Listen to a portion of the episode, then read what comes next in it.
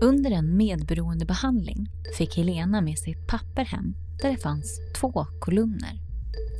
I den ena stod det familjerelationer och i den andra kärleksrelationer.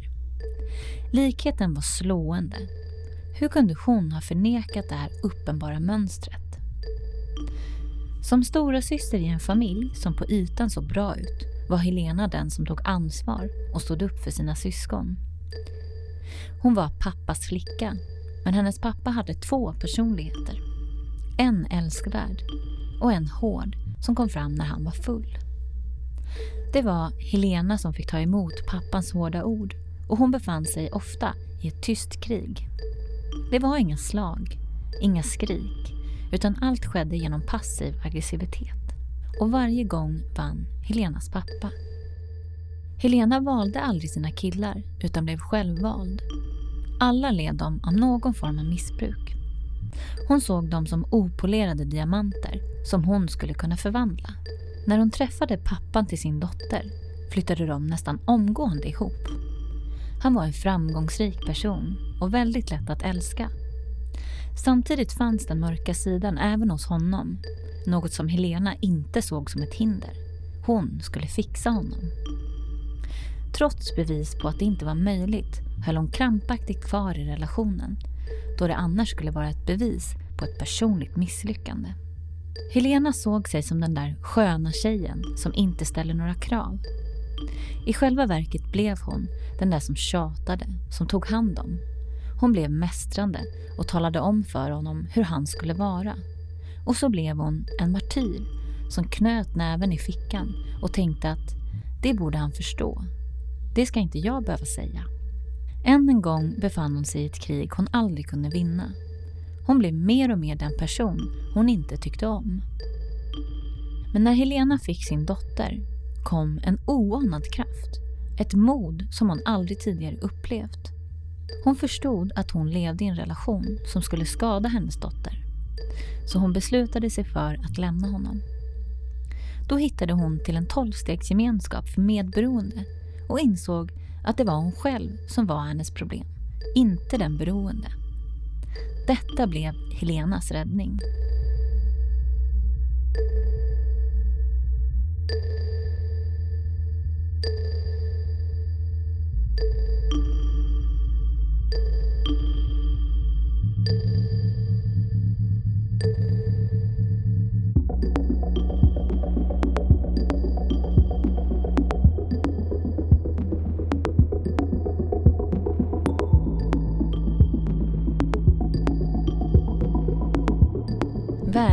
Medberoendepodden Helena.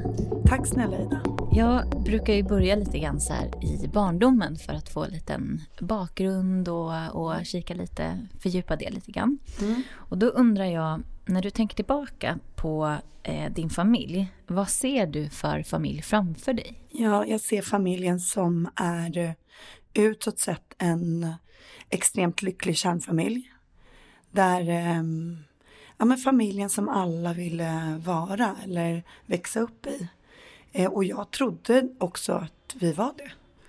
För att ehm, eh, min mamma var väldigt duktig, eller vi var väldigt duktiga på att, eh, att hålla ihop och fixa den här fasaden. Det förstod inte jag då. Men det är saker som jag förstått som vuxen. När man skrapade på ytan så var det inte riktigt sådär eh, hjärtligt och kärleksfullt och eller jo, det var det. Det var det också. Det var väldigt så här tvärkast, eller man ska säga. Mm. Eh, så vi var nog väldigt mycket, det var mycket kärlek. Jag kan inte säga på något sätt att jag växte upp i, i att det bara har varit skit eller att det bara har varit trauma. För det har det verkligen inte varit. Utan det har varit väldigt mycket kärlek också. Eh, men att det har varit tvära kast. Så. Vem blev du i den här familjen? Vad fick du för roll? Jag är stora syster. Eh, jag har två yngre syskon och jag var nog den typiska stora systern. Jag tror att i familjen så var jag nog den lite som eh, ja, men styrde och ställde över mina småsystrar. Så att jag blev nog den här duktiga flickan lite grann där jag fick ta mycket ansvar och bli vuxen fort och ta hand om mina systrar. Kände du att det var en person som du ville vara eller kände du att det liksom fanns ett motstånd till, till den rollen på något sätt? Ja, svårt. Jag, jag tror inte att jag... Jag reflekterade nog inte över det så mycket då, utan det var liksom bara den självklara rollen. Vi gavs mycket ansvar, vilket jag också kan tycka var väldigt fint och solidariskt. Eh, men vi gavs mycket ansvar som barn eftersom mamma och pappa jobbade mycket och så fick vi växa upp, eller vi fick ta ansvar i hemmet så väldigt mycket. Och då var ju ett stort ansvarsområde för mig var att ta hand om systrarna och kanske laga mat eller saker som jag förstod att inte mina kompisar kanske gjorde. Vem var du liksom bland dina vänner och i skolan och sådär? Om jag ska tänka på, hemma var jag, blev jag väldigt mycket också eh, pappas flicka. Jag jagade väldigt mycket min pappas eh, kärlek och, och jag jagade mycket bekräftelse. Eh, I skolan så tror jag att jag var, eller ja, som barn, bland mina vänner så var jag nog, eh, eftersom mina, mina kompisar tyckte att jag var, att jag var uppväxt i den här perfekta familjen och, och så utåt sett så, så var jag nog, eh, jag var duktig i skolan, vänner så var det ju, vilket kan kännas lustigt nu, eh, så var ju jag vän med alla jag hade ju vänner i, i alla grupperingar. Alltså jag var ju den här socialkameleonten. Jag, jag passade in överallt. Jag hade verkligen, jag var kompis med, med värstingarna. Jag, jag vet att jag, vi har pratat om det tidigare Ida.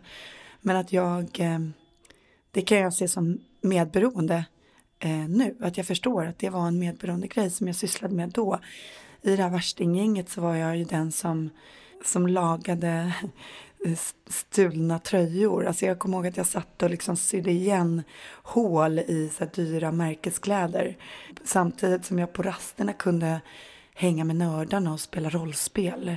Drakar och demoner. Och, och jag hade en klick som var hårdrockare och då var jag också det.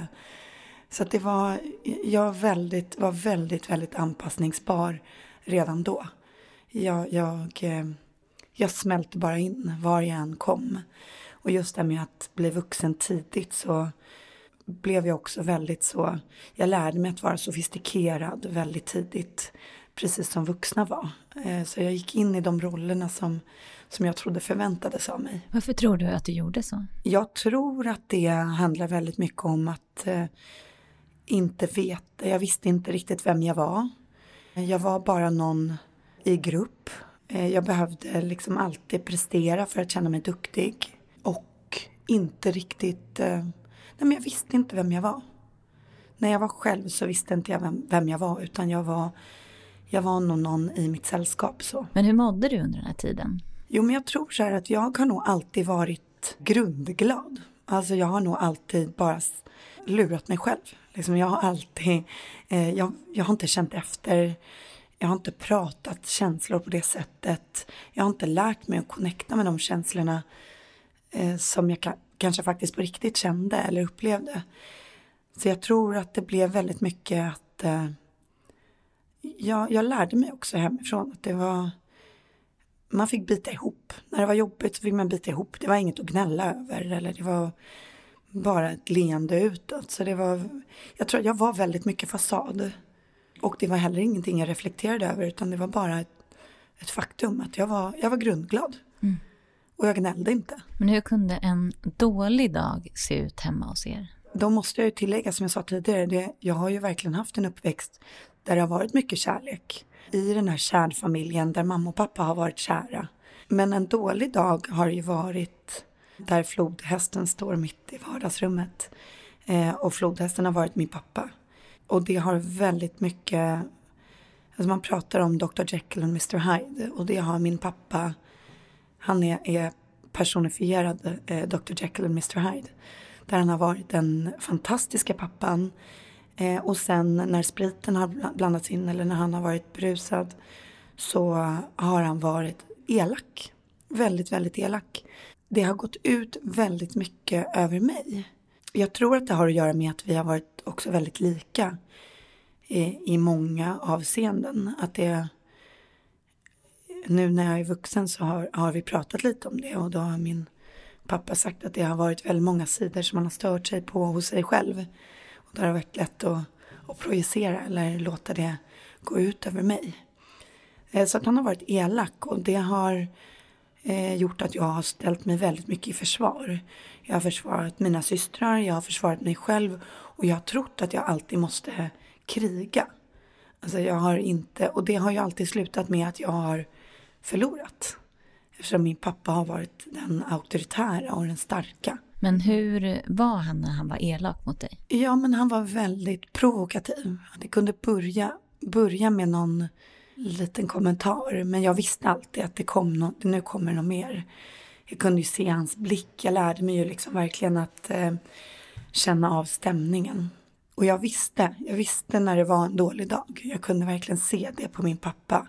Eller eh, jag lärde mig att se signaler runt omkring att okej, okay, nu är whiskyglaset framme eller nu, eh, ja, eh, jag, jag lärde mig verkligen att, att läsa av rummet eller situationen eller röstläget eller blicken eller, och då kommer jag ihåg att det knöt sig alltid i magen. Eh, och jag, liksom, jag, jag kommer ihåg att jag var spänd och jag visste att nu förväntas det att jag ska gå i försvar. Så att det blev alltid eh, krig, eller det blev alltid liksom och då ska jag säga det här sofistikerade kriget, för vi har inte slagit så vi har inte väldigt sällan skrikit på varandra utan det har varit det här passiva aggressiva. Där jag eh, till slut känner mig tillintetgjord. Var det så här under hela din uppväxt eller fanns det perioder när han var nykter eller sådär? Nej men han har ju alltid varit en eller jag kommer ihåg en period när pappa var arbetslös. För att jag tror att eh, för honom handlade det om att man skulle ha ett syfte och, och det har jag ju också växt upp med. Att eh, har man inte ett jobb eller fyller man ingen funktion så är man ingenting. Eh, och jag kommer ihåg en period när pappa var arbetslös. Då var det men då var det kaos hemma. Eller då var det väldigt så, det kändes otryggt eller det var det var inte, pappa var alltid arg liksom, han var alltid grinig. Så då höll man sig undan på ett annat sätt. Min pappa har alltid varit eh, en fungerande person. Alltså han har, det är inte uttalat att min pappa är alkoholist, även om jag förstår det nu som vuxen. Eh, eftersom han har alla de eh, symptomen som en alkoholist har. Man kan checka av på listan så att eh, han till exempel blir en annan person. Han blir eh, sinnesförändrad. Och han, inte, han slutar inte när han börjar. Så. Sen kan han ju hålla upp. Det är inte så att min pappa dricker varje dag. Utan eh, det, det är väl mer helger. Så. Och han har ju heller aldrig drabbats dagen efter. Utan han har ju alltid varit uppe först. Och om han har varit bakis så har man aldrig sett det. Utan han har nog bara bitit ihop så. Det har nog bara drabbat de nära. Mm. Alltså familjen. Nu pratade du väldigt mycket att det gick ut över dig. Vilken roll tog din mamma när det var det här? Eh, bra fråga. Eh, min mamma, hon, eh, hon är vad jag har förstått också väldigt medberoende. Eh, hon har varit den konflikträdda. Hon har gått ut i köket och skramlat lite med disken. Gått undan när min pappa har blivit eh, den här gåpåiga och den här elaka personen som egentligen inte var min pappa utan ja, en produkt av alkoholen så kan jag se nu. Men, men mamma gick alltid iväg och det gjorde även min syster, hon som står mig närmast i ålder. Och det är någonting som jag kan ha varit argare på än vad jag har varit på min pappa.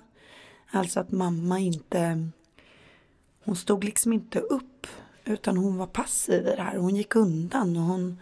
Jag kände mig nog väldigt ensam i det. När pappa blev elak och gåpåig så, så var mamma inte där.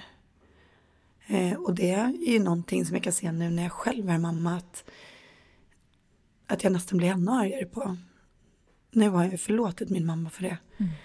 Men, eh, men att hon var passiv, hon var väldigt passiv. Men vad gjorde de här, alltså jag tänker det låter ju väldigt splittrat från att vara den här perfekta familjen och så till att det här faktiskt hände och eh, det lät som att det var väldigt, eller låt som att det var väldigt tufft just för dig. Vad gjorde det med dig? Liksom, jag tänker att när du sen går ut i skolan och ska upprätthålla den här bilden och så. Vad, hur påverkade det dig? Ja, men jag tror att jag bara körde det där familjens motto, att man, man bet ihop och, och jag eh, jag tror att jag, eftersom jag var sån kameleont så blev jag också väldigt bekräftad i alla grupper jag, sociala grupperingar som jag hamnade i.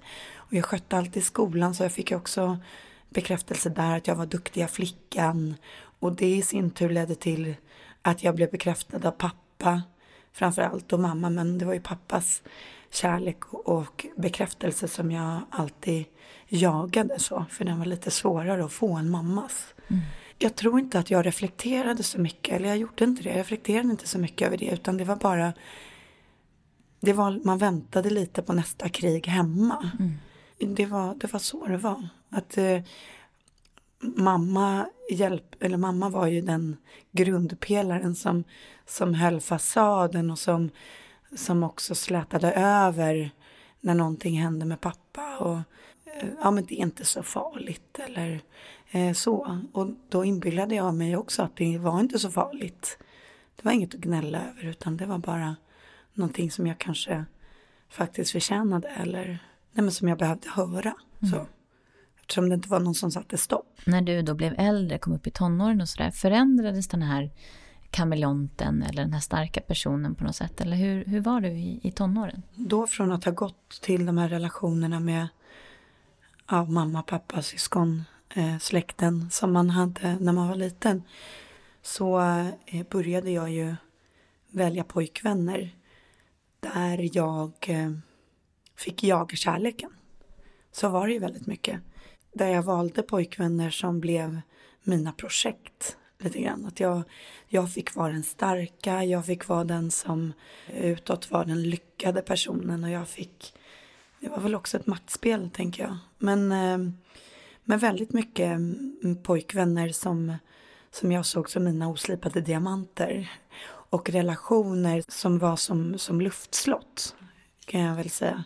För jag hela tiden tänkte att jag baserade alla de relationerna på, på något som inte fanns. Utan jag tänkte hela tiden att eh, om jag bara lyckas fixa det här eller om jag är stark nog så orkar jag dra det lasset så.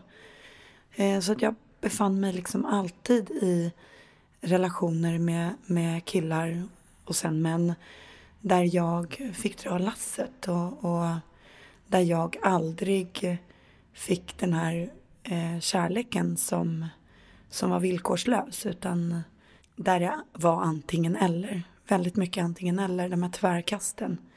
Från att bli älskad och överöst till att bara vara skräp. Och det i sin tur ledde ju väldigt mycket till att vänner runt omkring eh, reagerade på det och var väldigt mycket, ville ge råd och, och sa att du som är en så smart tjej, hur kan du falla för det här? Eh, och de vännerna blev ju jobbiga, de blev ju som en nagel i ögat så. Och lät inte mig eh, knarka i fred eller ja, knarka mina, mina otillgängliga män. Så ja, det ledde ju till att jag eh, isolerade mig jättemycket. Jag slutade ringa dem eller jag svarade inte i telefonen när de jobbiga kompisarna ringde för jag orkade inte höra. Jag kände mig så misslyckad. Jag visste ju också någonstans att det var fel. För det, det gick ju emot eh, mina värderingar. Jag visste att det var fel. Men jag kunde liksom inte lämna kunde inte förmå mig att lämna. Så att jag blev väldigt mycket eh, dörrmatta i mina relationer. Jag tog så mycket skit och jag inbillade mig på något sätt och fick väldigt många gånger höra att jag inte var värd mer. Att, eh, att, ehm, att det var rätt åt mig lite. Så att jag hamnade ju väldigt mycket i, i något passivt aggressivt där jag knöt näven i fickan, ja, men tyckte synd om mig själv. Jag blev väldigt mycket ett offer. Och i mina relationer så hade jag ju byggt upp luftslott som jag absolut inte kommunicerade med mina män eller mina pojkvänner. Och, och, och det i sin tur blev ju att det kändes väldigt misslyckat. Jag förstod ju inte att jag hamnade i samma mönster hela tiden. Det har jag ju förstått senare när jag verkligen har behövt, när, när det nådde till någon slags botten där jag inte orkade ha det så längre och där jag lyckades då hitta hjälp för att bryta de här mönstren mm. som jag alltid hade i mina relationer. Jag vet att som i medberoende så pratar man om att man antingen blir dörrmatta eller ångvält och jag tror att jag var lite både och. Jag var liksom dörrmatta i mina kärleksrelationer där jag ställde ultimatum efter ultimatum och hotade med att lämna om han inte slutade med det eh, som jag tyckte förstörde. Medan i mina ja, men i familjen till exempel med mina småsystrar, de fick nog väldigt mycket känna på ång, ångvälten där jag eh, styrde och ställde och talade om hur det skulle vara. Och jag har nog varit en sån eh, både dörrmatta och eh, ångvält. Det var väl mycket frustration också som gick ut över, över mina systrar till exempel. Eller väldigt mycket över min mamma för jag var så arg på henne de här killarna då, jag tänker att eh, det, jag har svårt att tänka att du medvetet går och liksom, han är dålig eller farlig eller sådär liksom. Hur, vad var det här för killar och hur träffade du dem? Jag blev ju alltid vald.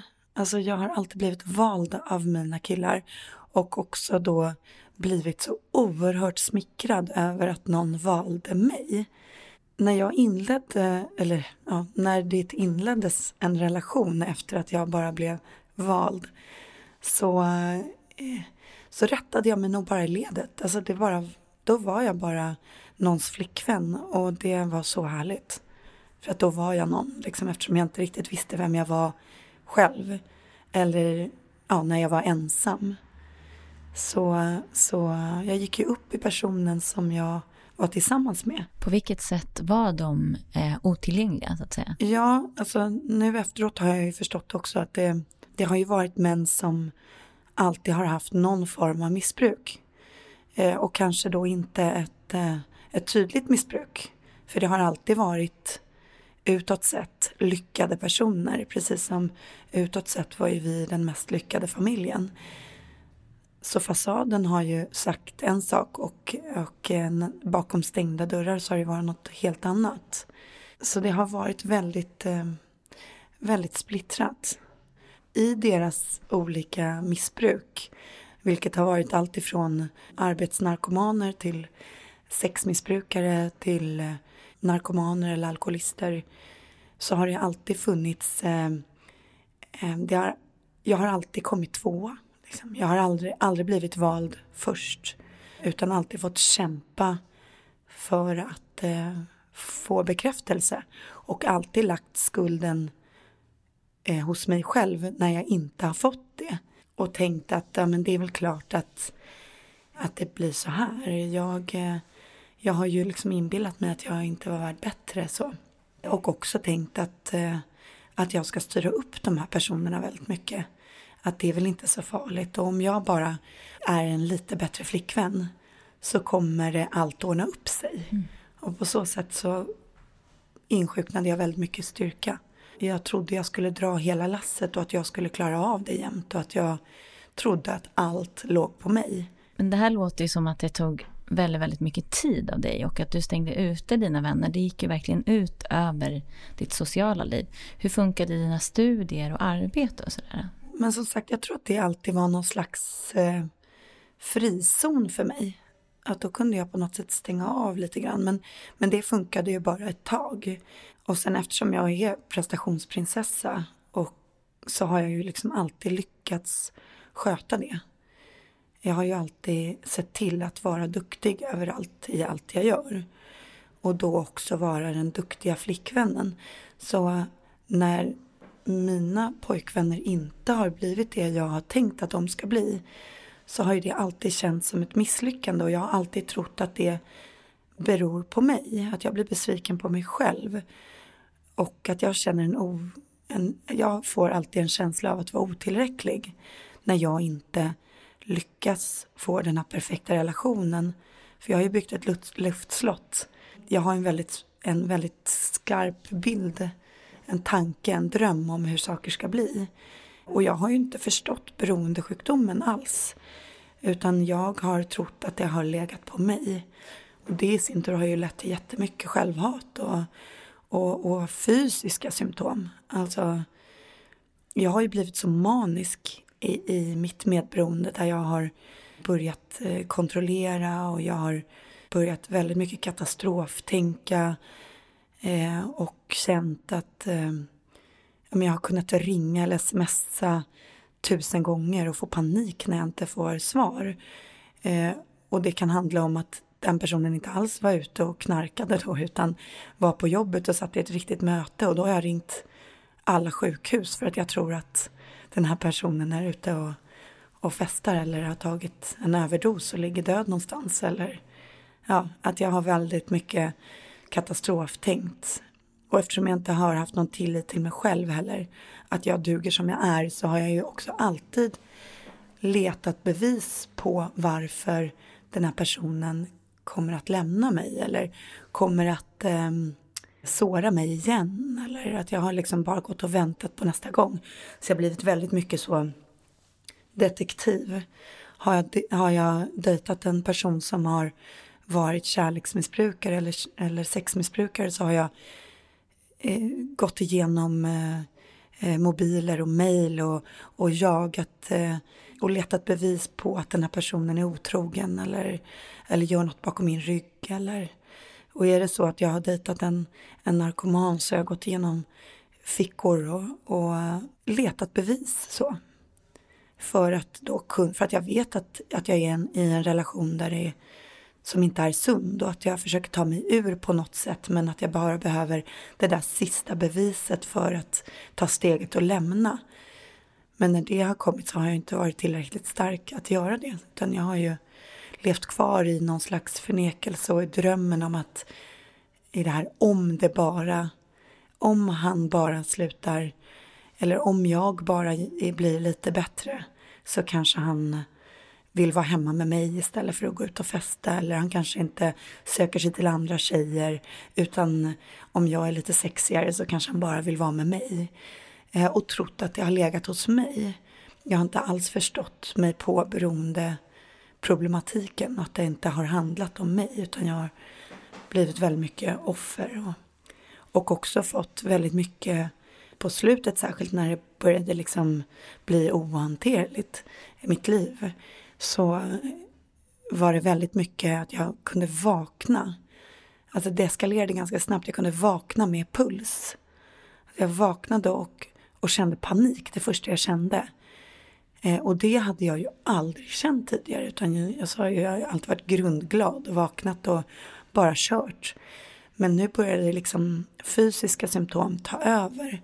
Jag hade alltid en sån här molande orosklump i magen som liksom ja, men käkade upp mig inifrån. Att det blev liksom, många pratar om det svarta hålet och det kan jag verkligen identifiera mig med. Att det var någonting, något väldigt mörkt på min insida som jag inte kunde riktigt känna igen och som det gick så fort. Du sa också att det här tog sig uttryck fysiskt för dig. På vilket sätt då? Ja, men det är alltså väldigt mycket den här, den här oroskänslan att alltid ha ont i magen. Eh, att alltid eh, vakna med det här så här att man liksom nästan kippar efter luft eller att man att det är någonting som molar i, i magen liksom. Och att man inte riktigt förstår vad det är, att det bara är en panik. Så. Man brukar säga att medberoende också är progressivt. hur kan du se att ditt medberoende blev progressivt? Alltså var det, blev du, träffade du värre och värre killar eller hur, hur eh, visade det sig hos dig? Ja, jag tror att eh, hos mig var det just, alltså det gick väldigt, väldigt fort. Från att ha liksom känt att jag har kontroll på situationen, även fast jag inte hade det såklart, men till att jag bara tappade fotfästet och, och det gick väldigt, väldigt fort. Eh, och då också gå omkring med den här ständiga sorgen över att personen man då älskar eller har någon slags ja, skev, skev bild av kärlek som jag har haft. Men att den personen inte är den man önskade eller, eller som det väldigt snabbt, att den, att den inte är det man hade tänkt sig. De här relationerna, nu pratar ju du om flera relationer. Hur, kan du se något mönster hur de här relationerna avslutades? Jag har alltid blivit den här tjatiga personen som jag också själv hatar.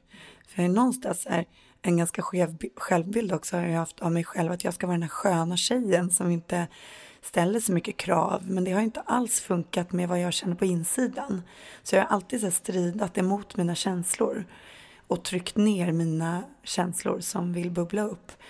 Så att det, det som har varit så en röd tråd genom min, min kärlekshistoria med, med de killarna jag har blivit vald av. Eh, det har ju varit att jag, jag blir eh, en tjatig person. Jag, eh, jag blir den här Moder Teresa och den här mammande personen. Att jag ska eh, ta hand om och också oftast då ta hand om en person som kanske inte alls vill bli omhändertagen. Eh, att jag blir eh, mästrande, att jag talar om för den personen vad, hur han ska vara. Och också väldigt mycket offer, alltså jag har blivit martyr. Och tänkt, som jag sa tidigare, knutit näven i fickan och, och tänkt väldigt mycket att så här, men det borde han fatta. Han borde fatta det. Det ska inte jag behöva säga utan det borde han fatta. Och det, det är inte så lätt. Mm. Det är ingen som har varit tankeläsare. Och du pratade ju om att du har en, eller du har en dotter idag också. Mm. Hur träffade du din dotters pappa? Eh, vi, vi, skulle, vi träffades och så bestämde vi att vi skulle ta en fika och prata om de senaste 15 åren sedan vi såg sist. Och sen så var vi ihop.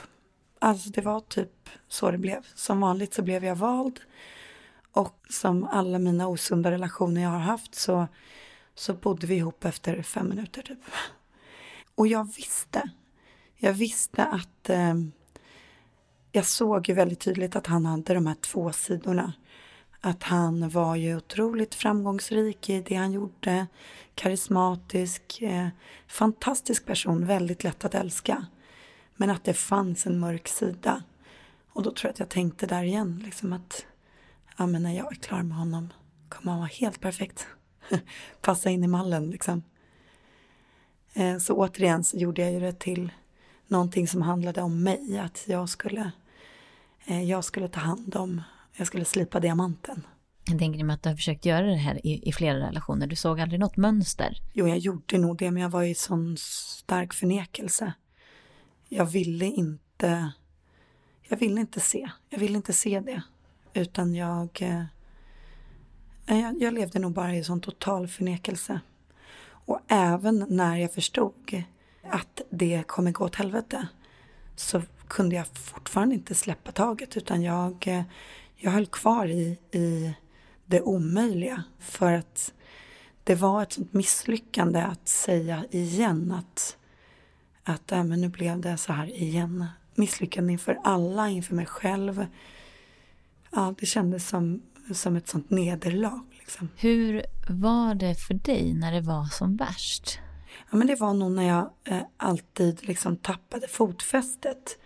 När jag hade bråk och konflikter med mina pojkvänner och eh, ja, men krig som jag aldrig kunde vinna. Och det var ju ganska så här, jag kände ju igen mig med det.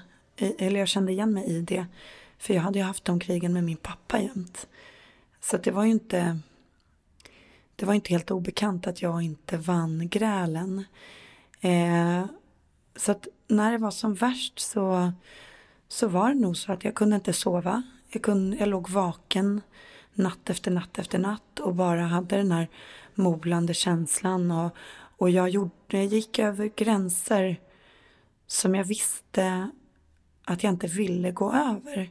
Alltså det här med att alltså, integritetskränka någon så mycket som att man går igenom någons mejl mail eller meddelanden i telefonen eller rotade i fickor.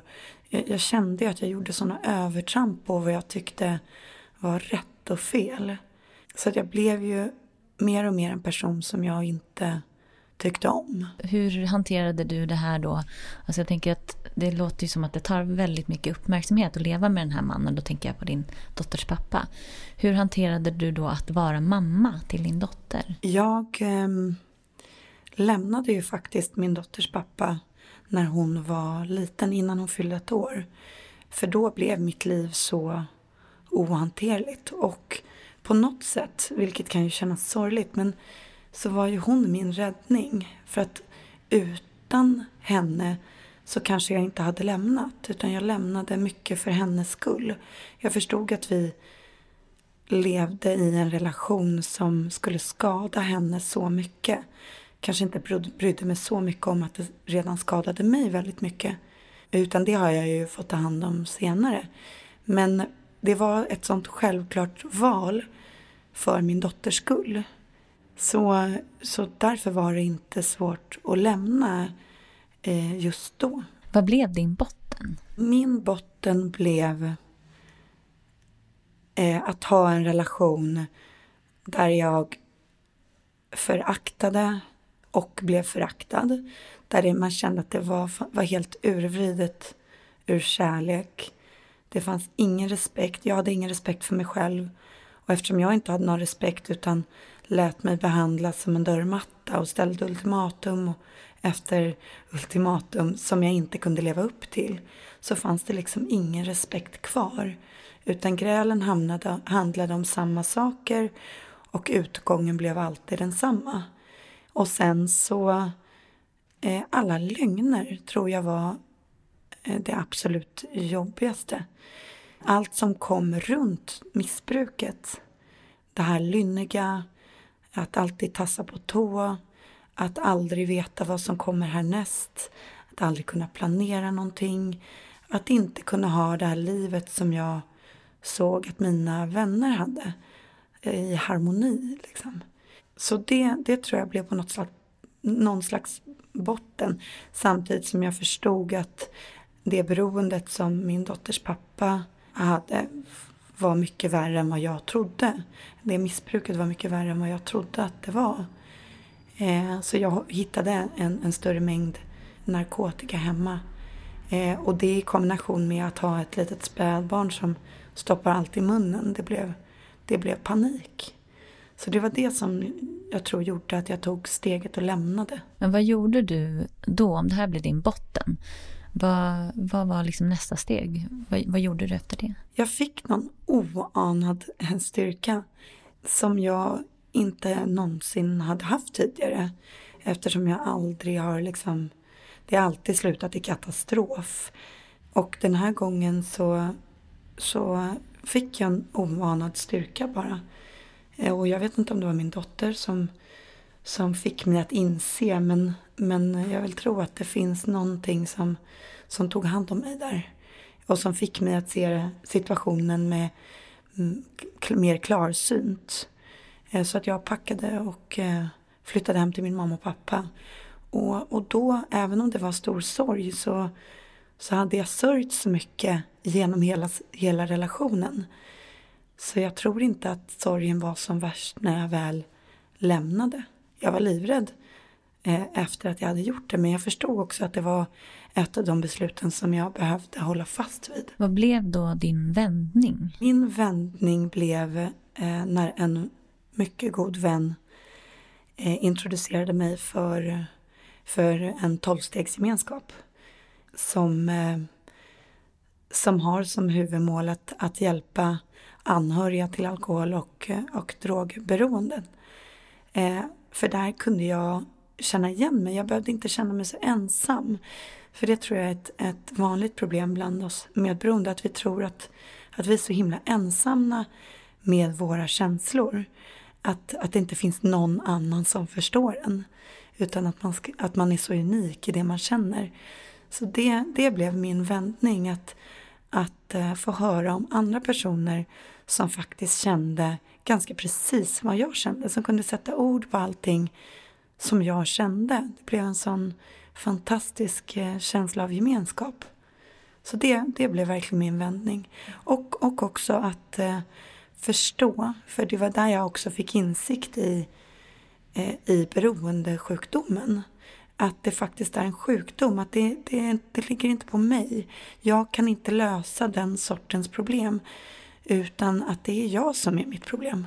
Det blev min absolut största vändning och största käftsmäll. Mm. Eh, för att jag har ju alltid haft pojkvänner som, som utåt sett har haft större problem. Så där är ju medberoendet ganska lömskt. Eftersom det är, är svårt. Jag visste inte ens vad medberoende var. Så, så det blev min, min vändning när jag förstod att, att um, min dotters pappa har inte gjort saker för att vara elak mot mig. Han, han kunde bara inte bättre. Eh, så det blev på något sätt väldigt förlåtande. Och jag kunde möta honom på ett helt nytt sätt. För det är ju som, som vi får lära oss att eh, om en person skulle vara cancersjuk så skulle ju inte jag vara arg på den. Men, eh, men eh, om någon är alkoholist eller narkoman så är det väldigt lätt att, att kräva att den personen ska sluta dricka för familjens skull. Eller, och det förstår jag ju nu att det, det nu är det fyra år senare, men det förstår jag ju nu att det, det finns ingen som kan göra något sånt för någon annans skull. Mm. Precis som jag var tvungen att ta tag i mitt medberoende för min skull för att bryta mina mönster. På vilket sätt förändrades då ditt liv när du tog tag? Ja, alltså det förändrades ju egentligen på alla sätt. Jag, jag, jag fick ju uh, redskap att, att möta problem och människor med, med, ja, men med helt, på helt andra sätt. Jag fick andra förhållningssätt. Jag eh, lärde mig att ta ansvar för mig själv och för mitt beteende. Eh, och inse att jag faktiskt var mitt, min egen största fiende. Eh, och att när någon är, behandlar mig illa så kan jag faktiskt gå därifrån. Det är mitt ansvar. Inte att försöka vända den personen till något som den personen kanske inte klarar av att vara. Utan eh, ta ansvar för, för mitt liv och för mitt handlande och, och hur jag möter människor. Pappan då till, ditt, eh, till din dotter, Eh, vad hände med honom efter att du tog tag i ditt medberoende och lämnade honom och sådär? Han, eh, han har ju inte valt att ta tag i sitt eh, missbruk eller han är ju fortfarande aktiv i sitt missbruk. Det som har förändrats, det som har förändrats i, i vår relation är ju att jag inte längre behöver ta emot eh, förolämpningar eller jag behöver inte lyssna på på, på elakheter utan då kan jag säga stopp. Jag kan, eh, jag behöver inte ta det. det. Det är väl det som har förändrats i vår relation och jag tror att genom att respektera mig själv så har jag vunnit en ny respekt från min dotters pappa. Tror jag. Vi, vi har, jag skulle säga faktiskt att vi har en ganska, ganska fin relation som då givetvis kantas av av ett missbruk eh, hos honom. Men, men där han också har en stark vilja av att, att vi ska ha en fin relation.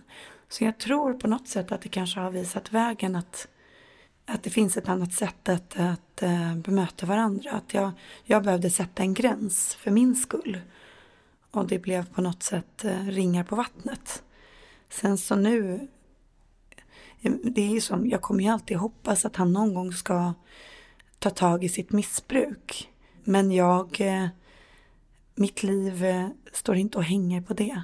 Utan jag kan vara en precis lika lycklig person oavsett yttre omständigheter. Och du berättade lite grann innan för mig här att du också gick i ett eh, relationsprogram som det heter. Och då visade du mig några punkter där du kunde se liksom ett mönster mellan kanske din, din eh, familje, dina familjerelationer och dina kärleksrelationer. Vill du berätta lite om det? Mm, absolut. Det var ju också en sån vändpunkt eh, när jag fick plats på det här relationsprogrammet. Där jag, fick där, fick, där jag fick chansen att titta på mina mönster. Det som var så träffande, som fick mig att öppna ögonen på riktigt. Ja, för mitt mönster, för hur jag har hållit, hållit på i mina relationer det var ju den slående likheten i mina relationer som barn och mina relationer som vuxen. Där jag som barn också alltid har tagit det här ansvaret. Jag har alltid eh, presterat och, och trott att jag eh, blir älskad bara jag är duktig. Det ble, allt blev väldigt, väldigt eh, lätt att se. Och också då givetvis med min, ja, min relation med min, med min pappa att jag har valt män som har varit precis som honom. I, I den bemärkelsen att beteendet har skiftat från natt till dag. Att det har varit det här genomgående Dr Jekyll Mr Hyde beteendet. Att jag ena stunden blir så otroligt överöst med kärlek och sen andra stunden så dras mattan under fötterna. Mönstren i mina barndomsrelationer har varit så slående lika med det jag har valt i mina, i mina relationer som vuxen. Eh, det är väl den största så här, slående av alla likheter. Men idag då när du har andra verktyg och sådär. Hur ser du på, jag vet inte om du är i en relation nu eller framtida relationer. Så här, hur, vad gör du för att se till att inte då hamna, fortsätta falla in i det här mönstret? Och så? Alltså tyvärr har ju en sak blivit att jag har varit väldigt rädd att gå in i relationer för att jag är så rädd att jag ska eh, falla för samma typ av killar. Även om jag vet att om det skulle hända, vilket inte skulle vara hela världen, så vet jag också att jag väldigt lätt skulle ta mig ur det. För att jag, jag, eh, jag har en helt annan kärlek till mig själv. Eh, så jag tror att eh, nu har fokus legat väldigt mycket på mig och på min relation till min dotter. Eh, och jag är på ett helt annat sätt öppen för kärlek. Jag är inte jag är inte i en relation nu men jag kan på ett annat sätt se fram emot att vara det än att behöva vara rädd. Jag känner inte den rädslan över att gå in i en relation utan jag tror att jag har fantastiska verktyg och sundare förhållningssätt. Jag tänker att det finns ju säkerligen väldigt många som känner igen sig i din historia. Vad har du för rekommendationer? Vad ska man göra? Speciellt tänker jag om man kommer till den här insikten som, som man gör, kanske genom att, att lyssna på dig. Ja, jag kan ju bara tala om lösningen för mig, men, men jag tror att den är lätt att implementera på väldigt många andra med samma problematik. Det är ju lätt att säga att man ska älska sig själv och, och, och fatta sunda beslut och blir man illa behandlad, slagen eller vad det nu må vara. Jag har varit i alla de de situationerna. Och det är inte så himla lätt att ta sig ur. Jag tror att man ska tänka att man är inte ensam och att det finns hjälp att få. Min lösning har varit eh, tolvstegsgemenskap där jag har behövt ta tag i mitt beteende för det kan jag göra någonting åt. Jag kan inte förändra någon annan och det har varit väldigt viktigt för mig, en väldigt viktig insikt att jag, jag måste fokusera på mig och mitt beteende på den personen som jag vill vara. Och lägga mindre fokus på, och, eller låta mitt liv gå ut över att försöka förändra någon annan. För det är jag helt maktlös inför. Så alla som känner igen sig skulle jag verkligen råda till att söka upp en, en tolvstegsgemenskap och, eh, och, och dela om det du tycker är jobbigt. Inte vara rädd att, att bli dömd för, för, eh, för vad du känner. Eh, och, och också få, just i den här gemenskapen så, så är det ju så skönt att man inte behöver känna sig så ensam i de problemen. För det finns alltid de som har liknande problem. Eh, så det var min, min räddning och det tror jag kan rädda så många andra också. Så söka upp en, en tolvstegsgemenskap som, som, som, där, och också där du kan lägga fokus på, på ditt eget beteende och hur du vill må. Jag tror vi låter det bli sista orden. Tusen tack Helena för att du var med. Tack snälla Ida, tack. Helenas räddning blev tolvstegsgemenskapen Coanon. Men det finns fler grupper som vänder sig till anhöriga och medberoende. Gå in på vår hemsida för att läsa mer www.medberoendepodden.se är adressen. Följ oss i sociala medier. Där heter vi också Medberoendepodden. Du får gärna gå in och prenumerera på oss i podcaster för att få tillgång till avsnitten först och hjälpa andra att hitta Medberoendepodden genom att betygsätta podden via iTunes. Tack för att du hjälper till.